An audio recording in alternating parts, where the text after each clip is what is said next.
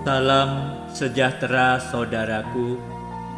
Kita bertemu kembali melalui sapaan malam. Ada berkat Tuhan untuk kita.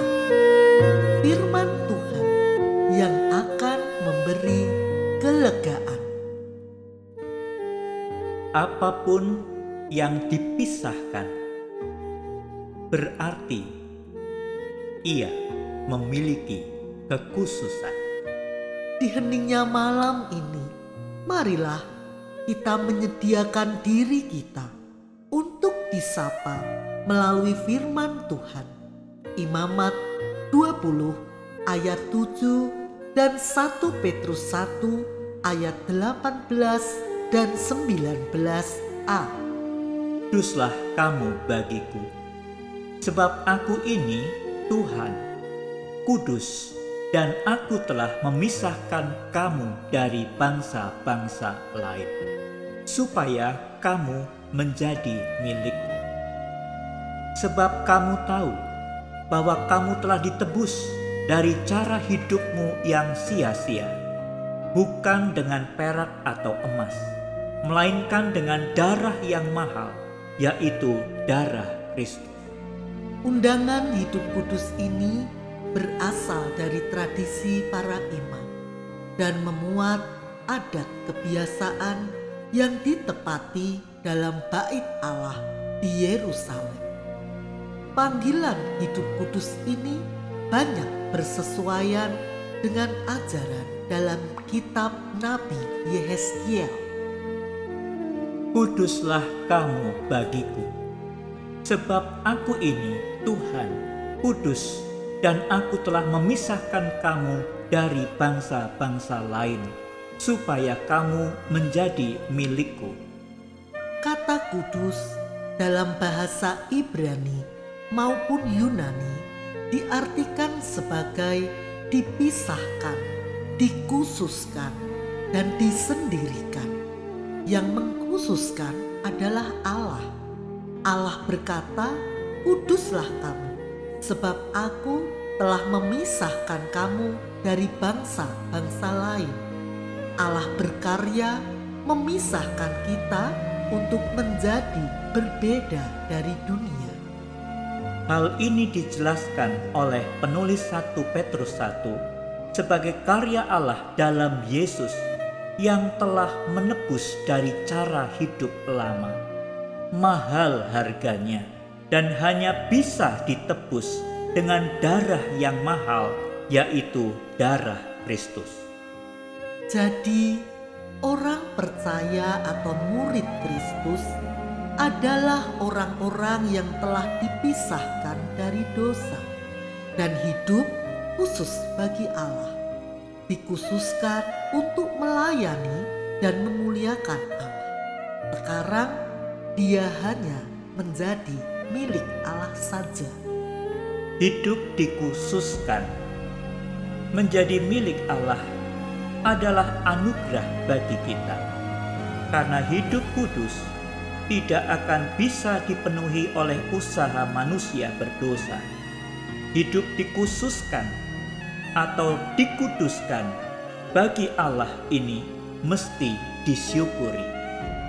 Saudaraku, marilah kita merenungkan apakah kita telah hidup sebagaimana yang Tuhan kehendaki, yakni mengkhususkan hidup kita ini bagi Allah agar kita menjadi berkat bagi sesama.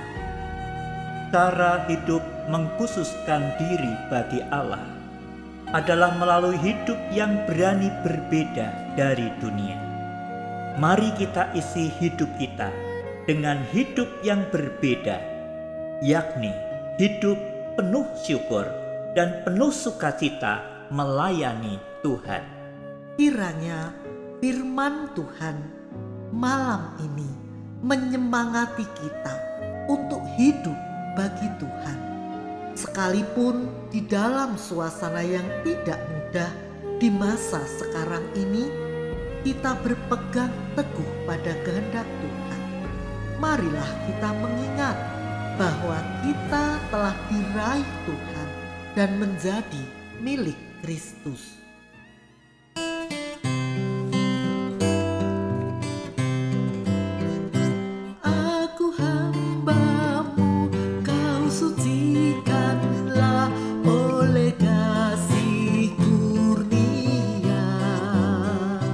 Hingga jiwaku memegang teguh kehendakmu yang mulia. Raih daku dan dekatkanlah pada kaki salibmu. Raih daku, raih dan dekatkanlah sisimu Tuhanku.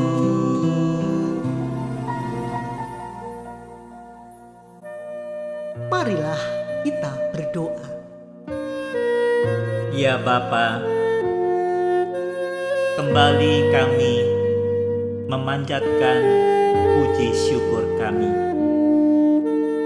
Karena pada malam hari ini semua kami mendapatkan penyertaan dan kami merasakan Tuhan yang selalu setia menolong setiap kami.